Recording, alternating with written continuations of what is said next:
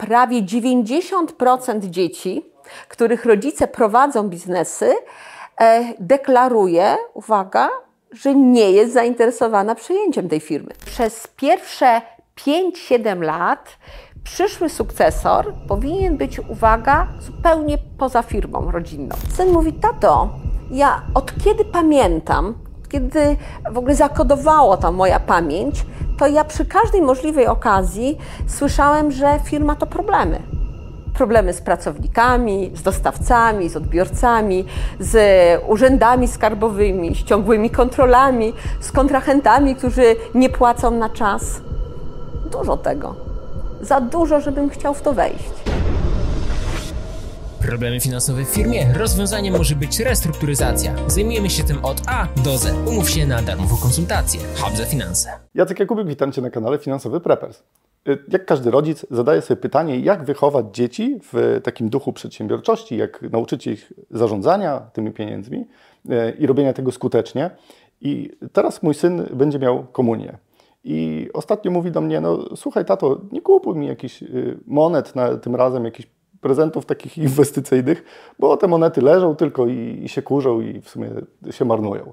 I zastanawiam się cały czas, jak w, zaszczepić w głowie takiego dziecka y, myśli, które będą pozwalały mm, mu później być skutecznym przedsiębiorcą, skutecznym inwestorem i skutecznie zarządzać tymi pieniędzmi. I dzisiaj mam takiego specjalnego gościa, bo y, mój gość, Małgorzata y, Reimer, cześć. Cześć. To jest osoba, która skutecznie przekazała y, swojemu synowi kancelarię na określonych zasadach, ale też pomaga przedsiębiorcom, przedsiębiorcom skutecznie jakby zarządzać tym y, majątkiem i przekazywać je niżej. Y, Małgosiu, czy jest taki przepis, czy jest jakaś procedura taka, która definiuje, czy dziecko przejmie po nas biznes, czy nie przejmie, czy wychowa się w, w takim duchu przedsiębiorczości, w zarządzaniu gotówką, ryzykiem, czy nie? Mhm. E, tak, Jacku. Jest moim zdaniem jeden kluczowy czynnik, a mianowicie jest to tak zwany gen przedsiębiorczości. Jeżeli ten gen przedsiębiorczości nasze dziecko będzie miało, to e, możemy być e, spokojni o to, że e, co najmniej będzie dzieckiem przedsiębiorczym, ale oczywiście jest też duża szansa, że będzie w przyszłości przedsiębiorcą. Okej, okay, ale gen się kojarzy z tym, że wiesz, rodzimy się z tym i mimo wszystko albo to mamy, albo tego nie mamy. E, tak, i tutaj jest pewnie zaskakująca informacja. Zdaniem większości e, psychologów, socjologów, genu przedsiębiorczości się nie dziedziczy. A skoro się go nie dziedziczy, no to pewnie zadajemy sobie pytanie, e, co możemy zrobić. E, to od nas, jako rodziców, zależy, czy go w dziecku wykształcimy. E, innymi słowy mówiąc, 90% zależy od nas, 10% to pewnie okoliczności, na które nie mamy wpływu. I tutaj warto przywołać istotną statystykę. W zależności od prowadzonych badań przyjmuje się, że w Polsce mamy od 800 do ponad 3 milionów firm rodzinnych, e, z czego e, prawie 90% dzieci, których rodzice prowadzą biznesy, e, deklaruje, uwaga, że nie jest zainteresowana przejęciem tej firmy. Zaskakujące, prawda? No, spodziewałem się tego, ale dlaczego tak jest? Jakby, spróbujmy, się, spróbujmy to zdefiniować, nie?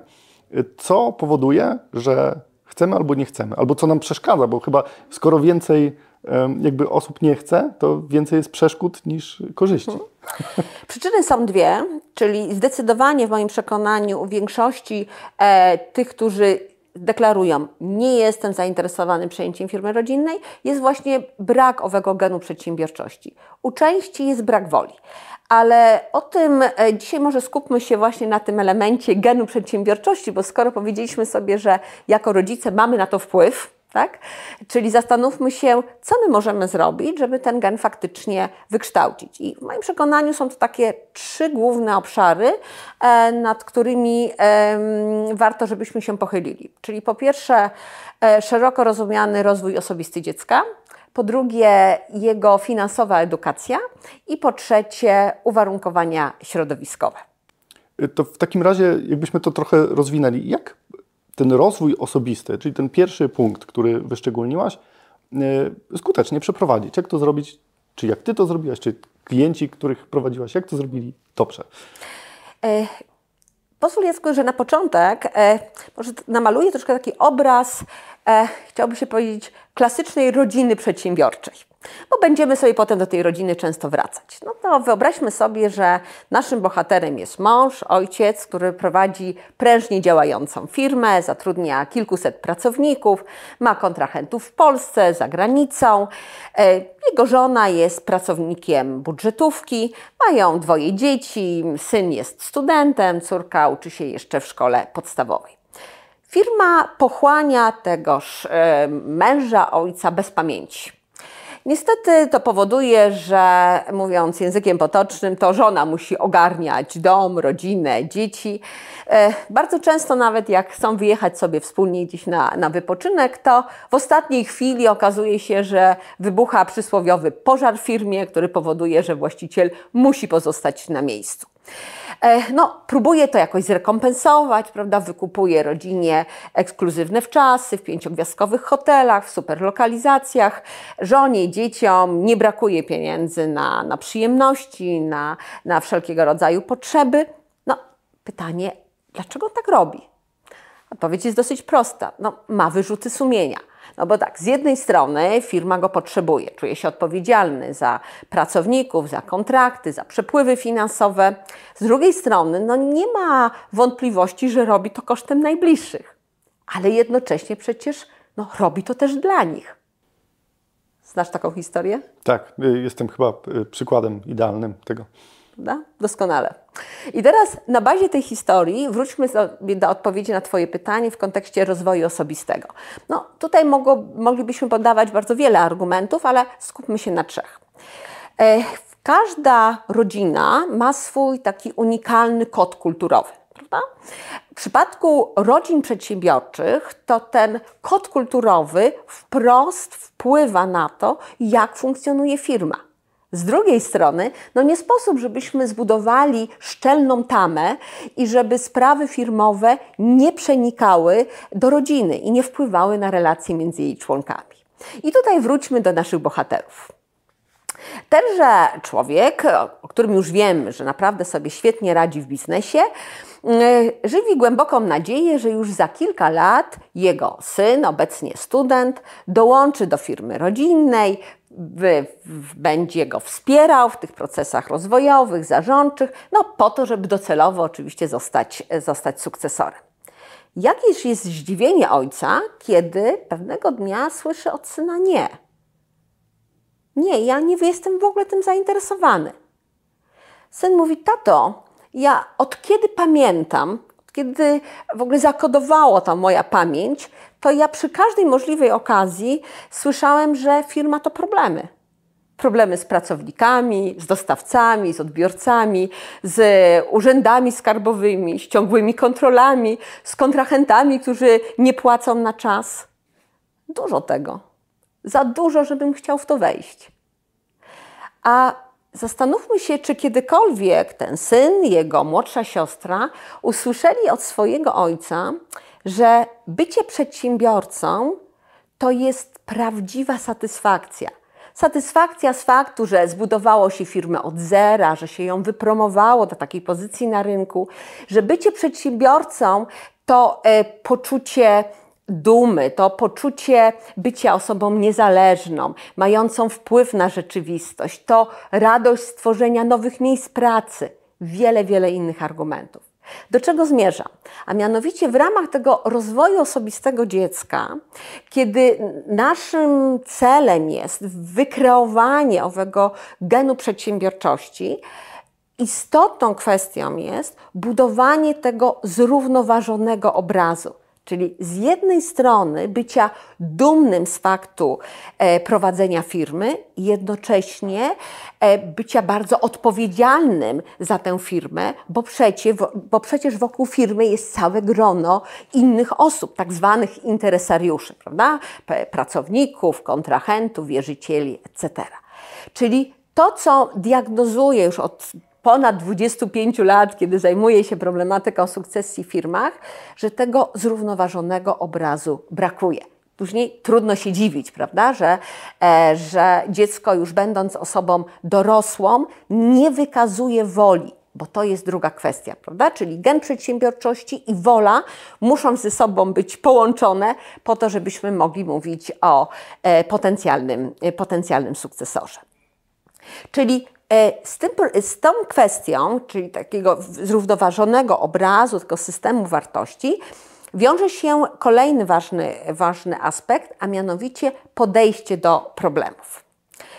Pewnie być może spotkałeś kiedyś tekst e, wypowiedziany przez Marka Twaina, który powiedział tak: Przeżyłem w życiu wiele lat. Miałem bardzo wiele problemów, z których większość się nie wydarzyła. I chodzi o to, żeby e, nauczyć dziecko, że to nie jest podejście, które daje mu e, szansę faktycznie bycia jakimś ponadprzeciętnym, bo mówiąc o, e, o prowadzeniu biznesu, w moim przekonaniu mamy prawo mówić o ludziach ponadprzeciętnych. I z takim podejściem do problemu wiąże się drugi istotny aspekt rozwoju osobistego, a mianowicie naturalna akceptacja ryzyka. No bo gdybyśmy mieli spróbować e, użyć synonimu do słowa biznes, to tym synonimem prawdopodobnie byłoby właśnie słowo ryzyko. Wiesz co, właśnie chciałem cię, Ciebie zapytać, bo jeżeli byśmy e, tak przez, pomyślałem, że ja jestem tym przedsiębiorcą, który jakby w domu e, jest takim reprezentantem, pokazuje jak wygląda ten biznes. Jakby te dzieci odbierają to na, na podstawie tego, jak ja się zachowuję, prawda, jak ja o nim mówię. I pomyślałem, ok, jeżeli bym mówił tak czysto kolorowo, to właśnie drugim elementem jest ryzyko. I, y, a te ryzyko i biznes, tak jak mówisz, się mocno łączą. I jak te dzieci mają nauczyć się podejmowania, w ogóle podchodzenia do ryzyka? Jaki jest klucz tego? Tak, to tutaj może na, na początek przywołam e, takie żartobliwe stwierdzenie e, profesora Krzysztofa Oboja, który na jednym ze spotkań e, powiedział rzecz znamienną. Mówi, wiecie Państwo, czym się różni akademik na przykład profesor od przedsiębiorcy, no, wszyscy zdziwieni, czym? A mianowicie ten drugi, czyli przedsiębiorca, ma wycięty pewien płat mózgu odpowiedzialny za odczuwanie ryzyka. No, w rzeczywistości jest tak, że przedsiębiorcy e, wypracowali tę kompetencję, po pierwsze tego, jak e, identyfikować ryzyko, po drugie, e, jak sobie z nim radzić. I każdy ma na to swoją procedurę, swój sposób. Ja mam taką metodę trzech kroków, czyli po pierwsze, w momencie, kiedy, e, kiedy w moim przekonaniu takie ryzyko dostrzegam prawda, na, e, na horyzoncie, to oddzielam fakty od emocji. Wiem, jest to trudne, tak? ale jest to świadome działanie. Po drugie, przywołuję sobie sytuacje z przeszłości, które w moim odczuciu być może były jeszcze trudniejsze, miały jeszcze większe to nasycenie ryzykiem i e, odtwarzam sobie, jak ta sytuacja się rozwijała i przede wszystkim, jaki był jej finał. I po trzecie, co jest bardzo istotne, mam tę e, tak zwaną perspektywę przyszłości. W myśl zasady, że z jakiegoś powodu e, szyba przednia w samochodzie jest dużo większa niż lusterko wsteczne. Tak? I to bardzo pomaga. Oczywiście w profesjonalnym biznesie mamy cały system zarządzania ryzykiem, prawda? Począwszy od jego identyfikacji, kontroli, oceny, zarządzania. Ale my teraz mówimy w kontekście dziecka. Czyli to, co jest rzeczą kluczową, to nauczyć dziecko, jak sobie radzić w sytuacjach problematycznych, w sytuacjach trudnych, począwszy od najmłodszych lat. Bo przekazując dziecku tę kompetencję, uzyskujemy rzecz bardzo, bardzo ważną, a mianowicie wychowujemy dziecko odważne. A dziecko odważne to jest dziecko, które jest kreatywne, to jest dziecko, które ma otwarte myślenie. No, chyba nie powiem tutaj niczego odkrywczego, skoro stwierdzę, że cechy takie jak odwaga, kreatywność to są cechy będące właśnie w definicji e, skutecznego przedsiębiorcy. Ja rozumiem, że systemy zarządzania ryzykiem są mocno skomplikowane, ale tu mamy dziecko i jak, to, jak ma wyglądać komunikacja, żeby on jakby zaczął się uczyć, jak to wygląda, to ryzyko i, i potrafił sobie z nimi radzić.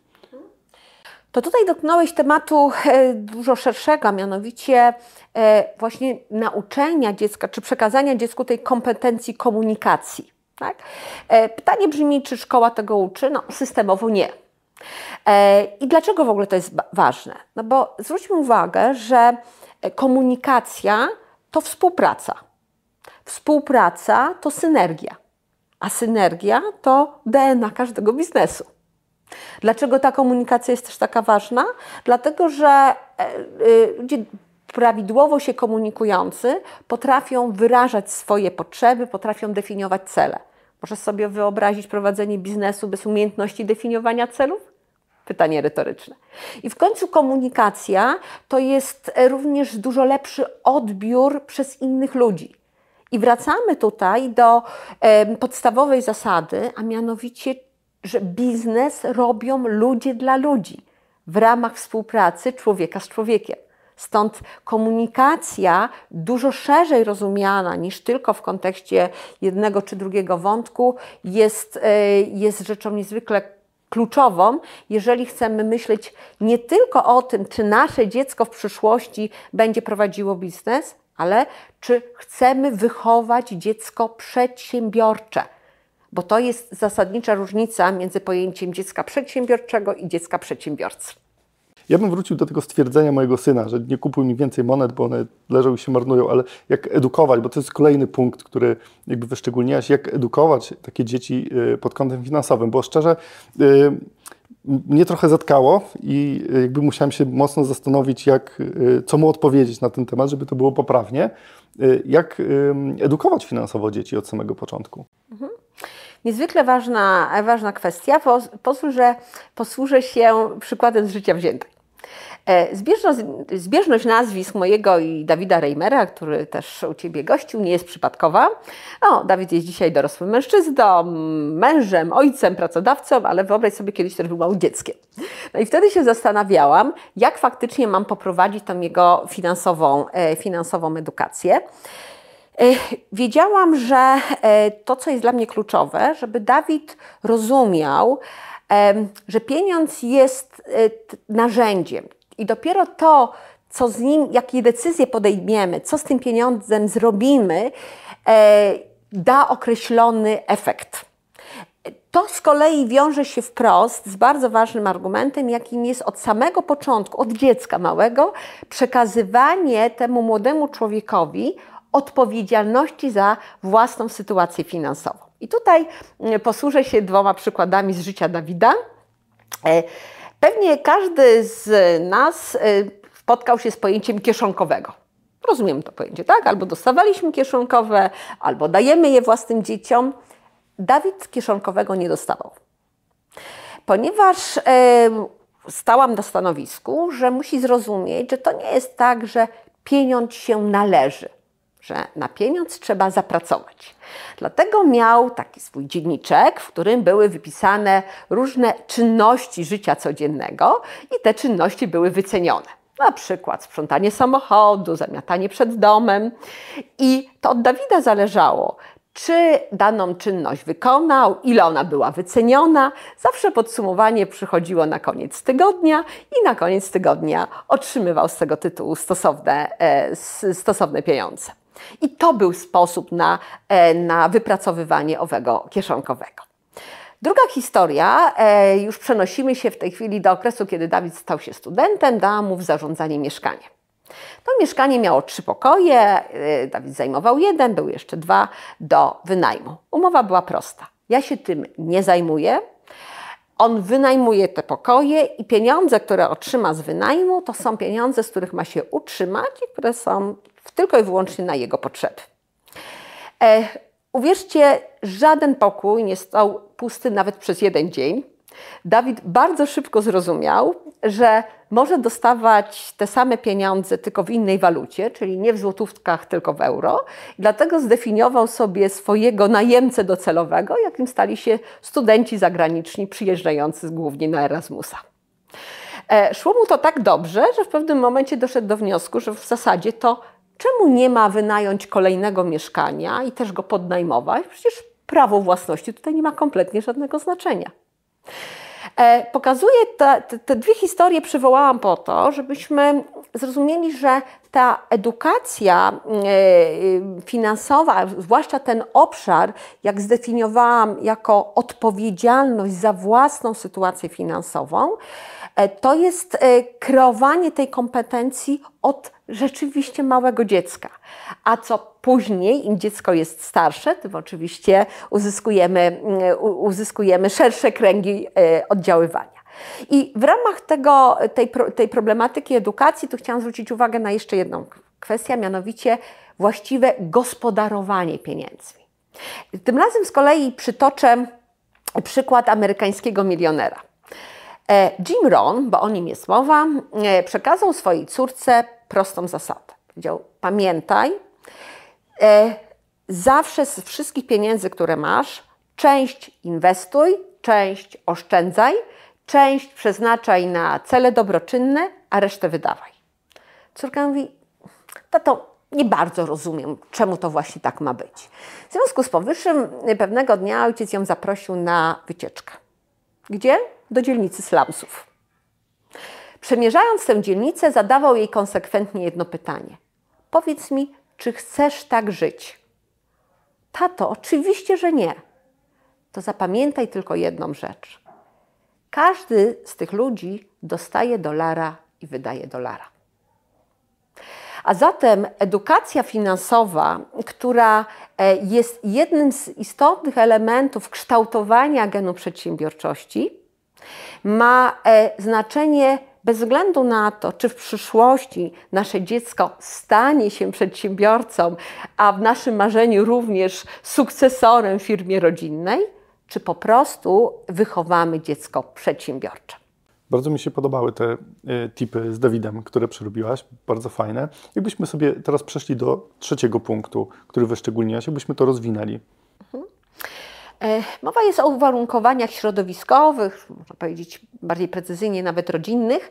Często spotykam się z takim mm, przekonaniem, że jeżeli ktoś wychował się w rodzinie, e, gdzie rodzice prowadzili biznes, no to tym samym ma dużo większe szanse w przyszłości być rasowym przedsiębiorcą. E, I tutaj też chciałabym po raz kolejny zdementować to przekonanie. Czyli tak samo jak genu przedsiębiorczości nie dziedziczymy, tak samo to nie jest tak, że go wynosimy po prostu z domu rodzinnego i to jest dla nas e, wystarczający, e, wystarczające doświadczenie, żebyśmy potem e, wykazywali się skutecznością. Jeszcze raz podkreślam, gen przedsiębiorczości każdy z nas ma możliwość wykształcenia w dziecku. I tutaj posłużę się posłużę się takimi po raz kolejny przykładami z życia wziętymi, a mianowicie jak realizujemy takie procesy sukcesyjne w firmach, to najczęściej e, dla, e, i dla rodziców, i dla dzieci oczywistą oczywistością, jak mawia klasyk, jest to, że w przyszłości dziecko tę firmę otrzyma, na przykład w formie darowizny. Tak? No, ktoś by zapytał, dlaczego? No proste, no, sam przez sam fakt, że jest dzieckiem właściciela. Tymczasem, jak zadajemy klientom pytanie, e, a czy w ogóle brali pod uwagę, żeby tę, tę firmę dziecku sprzedać, to wiesz, jaka jest reakcja? Rodzic w pierwszej chwili mówi, ale jak pani sobie to wyobraża? Ja mam zarabiać na własnym dziecku? Dziecko natomiast, jak pani sobie to wyobraża? Przecież ja nie mam pieniędzy na to, żeby tę firmę odkupić. No i będąc, pozostając w tym, e, w tym modelu myślenia, efekt jest taki, że rodzic, nestor zostawia sobie część udziałów w firmie, no bo przecież musi mieć z czego żyć, prawda? Dziecku przekazując, e, przekazując drugą część. Finalnie nikt z tego rozwiązania nie jest zadowolony, ponieważ e, no, rodzic ma takie poczucie, że już nie ma władztwa, a dziecko ma takie poczucie, że tego władztwa wcale nie, nie przejęło, prawda? No bo ten rodzic niezależnie, czy zostawił sobie 20 czy 50% udziałów, to nadal e, stylniego, stylnego e, siedzenia zarządza, nadal jest naturalnym liderem dla, dla, dla pracowników czy dla kontrahentów. No i teraz zastanówmy się, e, podam Wam taki przykład może, firmy, w która która zaczęła od podobnego rozwiązania. To jest firma produkcyjna, e, bardzo dobrze działająca, którą małżonkowie założyli na początku lat 90. Po e, mniej więcej 10 lat temu dołączył do nich syn. Jak postąpili rodzice? No, tak jak powiedziałam przed chwilą, tak? Czyli podarowali synowi 50% udziałów, chcąc, żeby miał takie poczucie, że rzeczywiście od niego wiele zależy, e, to e, wprowadzili taką zasadę, że każdy z nich może firmę reprezentować samodzielnie, e, zarówno rodzice, jak i ten syn. No ale zaledwie po 3-4 mm, latach syn doszedł do wniosku, że ta firma się za wolno rozwija że on widzi większe możliwości, no i podjął decyzję o bardzo, bardzo poważnych inwestycjach. No ale te poważne inwestycje wiązały się z poważnymi zobowiązaniami finansowymi, czyli trzeba było wziąć duże kredyty, leasingi e, i, i, i w różny sposób sfinansować te inwestycje. Zdając sobie sprawę z tego, że przez najbliższych kilka lat spółka nie będzie wykazywała zysku. No, zrozumiałe, prawda? No, te inwestycje musiały być zrealizowane, trzeba będzie potem te zobowiązania spłacić. No, z punktu widzenia syna wszystko było ok, ale z punktu widzenia rodziców zaczął się dramat. Po pierwsze, w ogóle nie rozumieli tej perspektywy syna. Nie rozumieli jego planów związanych z rozwojem, natomiast bardzo głęboko odczuwali lęk wynikający z faktu kolejnego zadłużania spółki i przede wszystkim dotarło do nich, że oni nie mają żadnego zabezpieczenia. Bo ile wynosi 50% wartości udziałów od zerowego zysku spółki? Zero. Tak?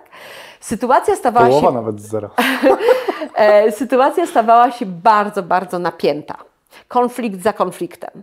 Ostatecznie e, padło rozwiązanie, to niech syn odkupi udziały od, yy, od rodziców. Jaki był efekt? Efekt był taki, że rodzice otrzymali kilka milionów złotych. To stanowi ich faktyczne zabezpieczenie dożywotnie.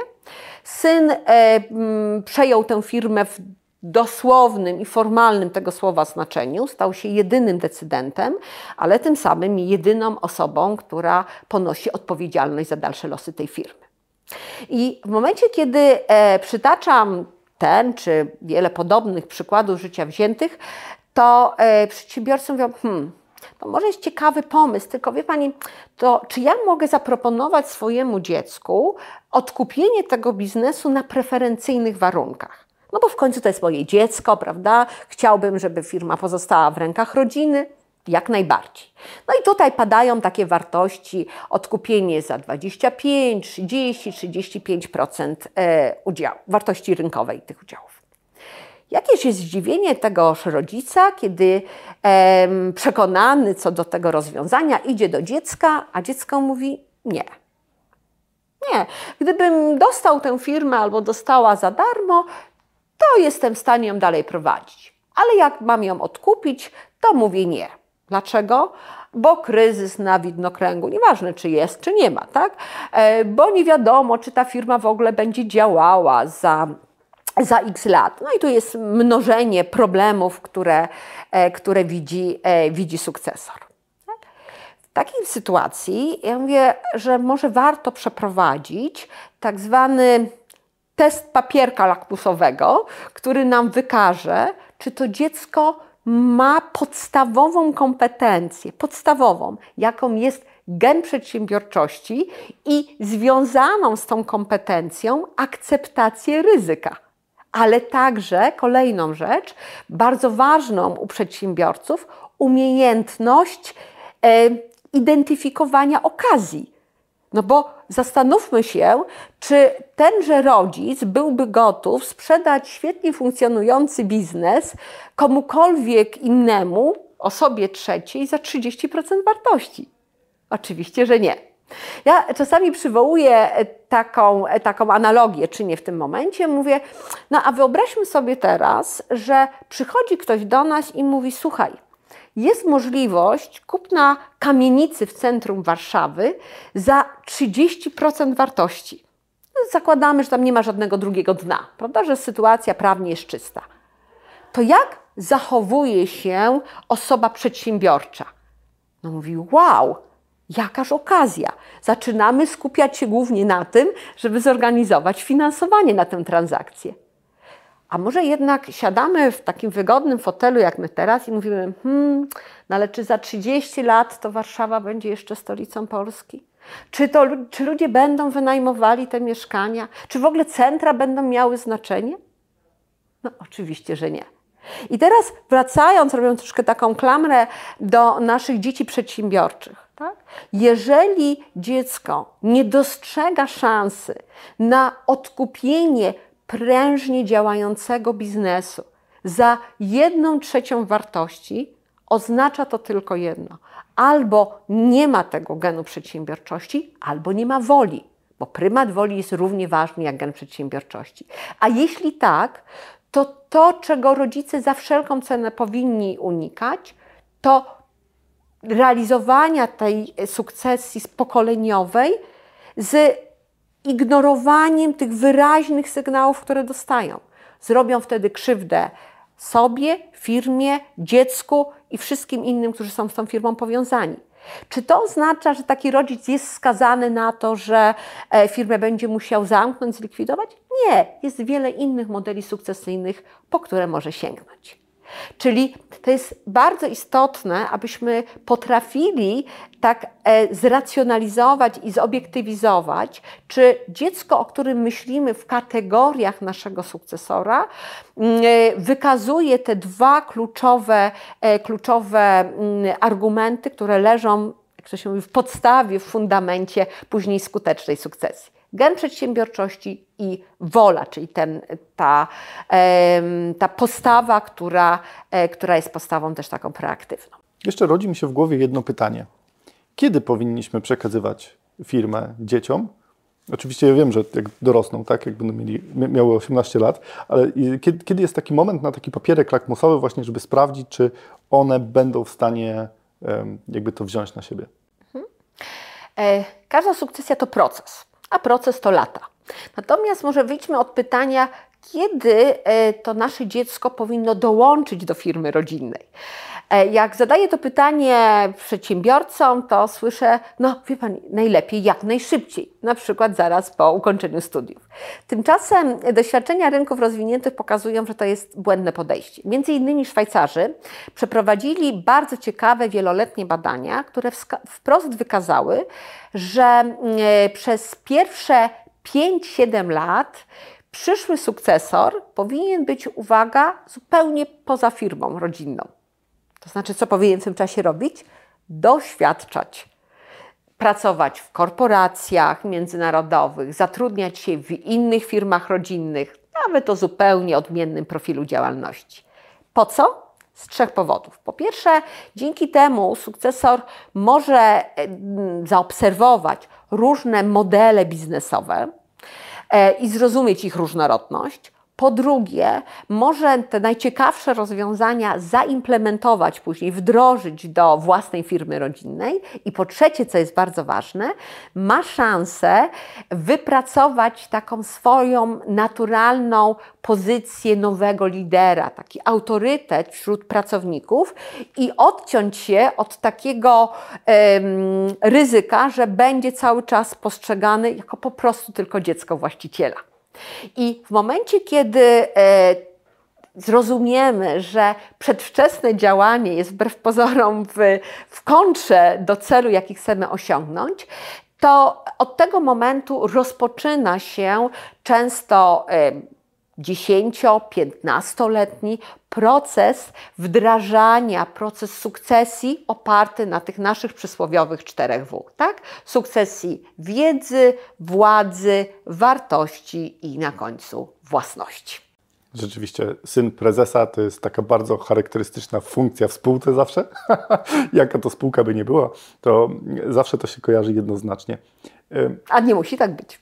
Na koniec mamy taką tradycję, że każdy z gości ma złotą myśl dla naszych finansowych prepersów. Kamera jest Twoja. To tylko od nas, rodziców, zależy, w jaki sposób zrealizujemy rozwój osobisty dziecka, w jaki sposób będzie wyglądała jego finansowa edukacja, w jakim środowisku rodzinnym będzie dziecko wychowywane A wszystko po to, żebyśmy wykształcili w nim gen przedsiębiorczości. Niezależnie od tego, czy naszym celem jest, aby było to dziecko przedsiębiorcze, czy idziemy, idziemy dalej, a mianowicie do dziecka przedsiębiorcy. I paradoksalnie to rodzice będą pierwszymi beneficjentami właściwego modelu wychowania. Jeżeli chcecie przekazać majątek bądź firmę kolejnemu pokoleniu chcecie to zrobić profesjonalnie, ja zapraszam do Małgosi, kontakt będzie w opisie, a Wy dajcie znać w komentarzach, bo jestem mega ciekawy, jak Wy y, spieprzyliście coś w tym procesie budowania przedsiębiorczości w dzieciach, bądź jakie macie tipy, którym, dzięki którym Wam się udało na przykład uświadomić dziecku to, że te monety jednak na półce nie leżą, że to jest głębszy sens w tym ukryty. Dziękuję Wam bardzo za dziś. Cześć!